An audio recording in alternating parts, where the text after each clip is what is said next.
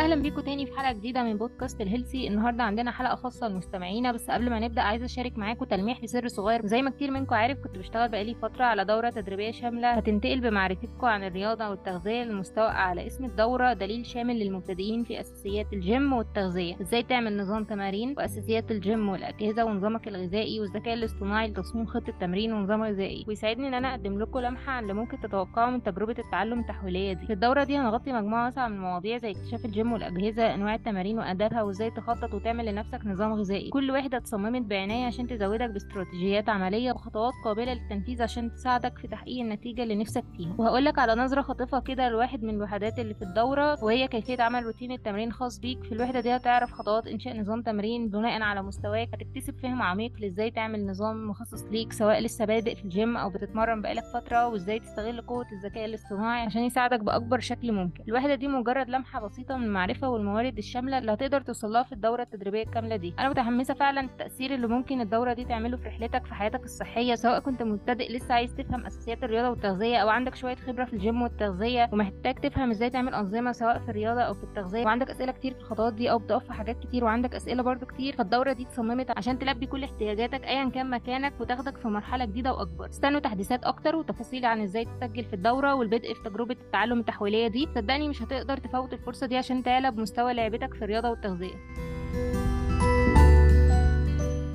دلوقتي خلينا نتعمق في حلقة النهاردة ونستكشف التغلب على تحديات التغذية وإزاي نبني علاقة إيجابية مع الطعام أو الأكل. الأكل أو الغذاء مش بس مجرد وقود لأجسامنا الأكل هو حاجة متشابكة بعمق مع عواطفنا وعاداتنا ورفاهيتنا بشكل عام. كتير مننا بيواجه تحديات لما بيتعلق الأمر بعلاقتنا بالطعام سواء ده كان الأكل العاطفي أو الأنظمة الغذائية القاسية أو الشعور بالذنب من خياراتنا الغذائية. النهاردة هنتعمق في التحديات دي وهنستكشف الاستراتيجيات لبناء علاقة إيجابية وصحية مع الطعام. قبل ما نتعمق في الاستراتيجيات دي خلينا نشوف بعض الدراسات اللي بتسلط الضوء على تأثير علاقتنا بالطعام على صحتنا العامة. في دراسة اتنشرت في Journal of Eating Disorders أو مجلة اضطرابات الأكل بتقول إن الأفراد اللي عندهم علاقة إيجابية مع الطعام عندهم نتائج أفضل في مجال الصحة العقلية وكانوا أكثر عرضة للانخراط في سلوكيات الأكل البديهية. وأظهرت دراسة تانية اتنشرت في International Journal of Behavioral Nutrition and Physical Activity أو المجلة الدولية للتغذية السلوكية والنشاط البدني إن الأفراد اللي بيمارسوا الأكل الواعي لقوا تحسينات في سلوكياتهم الغذائية ورضا عن جسمهم. الدراسات دي بتؤكد على أهمية تعزيز العلاقة الإيجابية مع الأكل. طب دلوقتي إزاي نقدر نتغلب على تحديات التغذية ونبني العلاقة الإيجابية دي؟ خلينا نكتشف مع بعض الاستراتيجيات المدعومة بالأبحاث وقصص النجاح الواقعية. استراتيجية رقم واحد هي ال mindful eating أو ممارسة الأكل اليقظ الأكل اليقظ بيتضمن الانتباه للحظة الحالية اللحظة اللي أنت فيها دي وكل قطمة أكل بتدوقها فعلا مش بتاكل وأنت مش مركز. لأ أنت مركز كويس قوي وأنت بتاكل كل حاجة. وكمان تسمع الاشارات الجوع والشبع. شبعت يعني شبعت وقف أكل. جعان محتاج تاكل يبقى روح كل. الأبحاث أظهرت إن الأكل الواعي ممكن يساعد في تقليل الأكل العاطفي وتعزيز الرضا العام عن الوجبات. أما الاستراتيجية رقم اتنين وهي ditch the diet mentality أو تخلص من عقلية النظام الغذائي. غالبا ما تؤدي الأنظمة الغذائية القاسية أو المقيدة لعلاقة سلبية بالأكل وده بيعمل دايرة من الإحساس بالذنب والحرمان. بدل التفكير ده وركز على تغذية جسمك بنظام غذائي متوازن ومتنوع. افتكر إن كل الأكل ممكن يتناسب مع نمط حياة صحي لما تاكله باعتدال. استراتيجية رقم ثلاثة cultivate a positive food environment أو اخلق بيئة غذائية إيجابية. حيط نفسك أو خلي حواليك أكل يغذيك ويخليك نشيط. خلي مكونات الأكل اللي عندك في بيتك تكون مكونات صحية وخطط لوجبات الأكل من قبلها. واعمل بيئة داعمة تشجع على الأكل الواعي. اختيارات الطعام الإيجابية. أما الاستراتيجية رقم أربعة فهي اطلب الدعم. ممكن يكون بناء علاقة إيجابية مع الأكل مش أسهل حاجة وعادي إنك تطلب المساعدة. فكر إنك تتابع مع أخصائي تغذية أو طبيب مختص في اضطرابات الأكل يقدروا يدوك التوجيه والدعم والاستراتيجيات الشخصية لمساعدتك في التغلب على تحديات التغذية. كمان ممكن تبعتولي على مواقع التواصل وهرد عليك. افتكر إن بناء علاقة إيجابية مع الطعام هو رحلة وبياخد وقت وصبر. خليك لطيف مع نفسك واحتفل بالانتصارات الصغيرة على طول الطريق واستمتع بمتعة تناول الأكل وتغذية جسمك وتخلص من الشعور بالذنب. ده كل اللي كان في حلقة النهاردة من بودكاست ال Healthy أتمنى إنك تكون لقيت الاستراتيجيات دي مفيدة في التغلب على تحديات التغذية وبناء علاقة إيجابية مع الطعام. افتكر إن عندك القدرة على تغيير علاقتك بالأكل وتبني أسلوب حياة أكثر صحة وسعادة؟ لو استمتعت بالحلقة دي اتأكد من الاشتراك في بودكاست ال Healthy عشان المناقشات اللي جاية قوية عن كل حاجة ليها علاقة بالحياة الصحية. وزي كل مرة استنوا الحلقة الجاية. هنواصل استكشاف موضوعات تخليك تقدر تعيش حياة أفضل.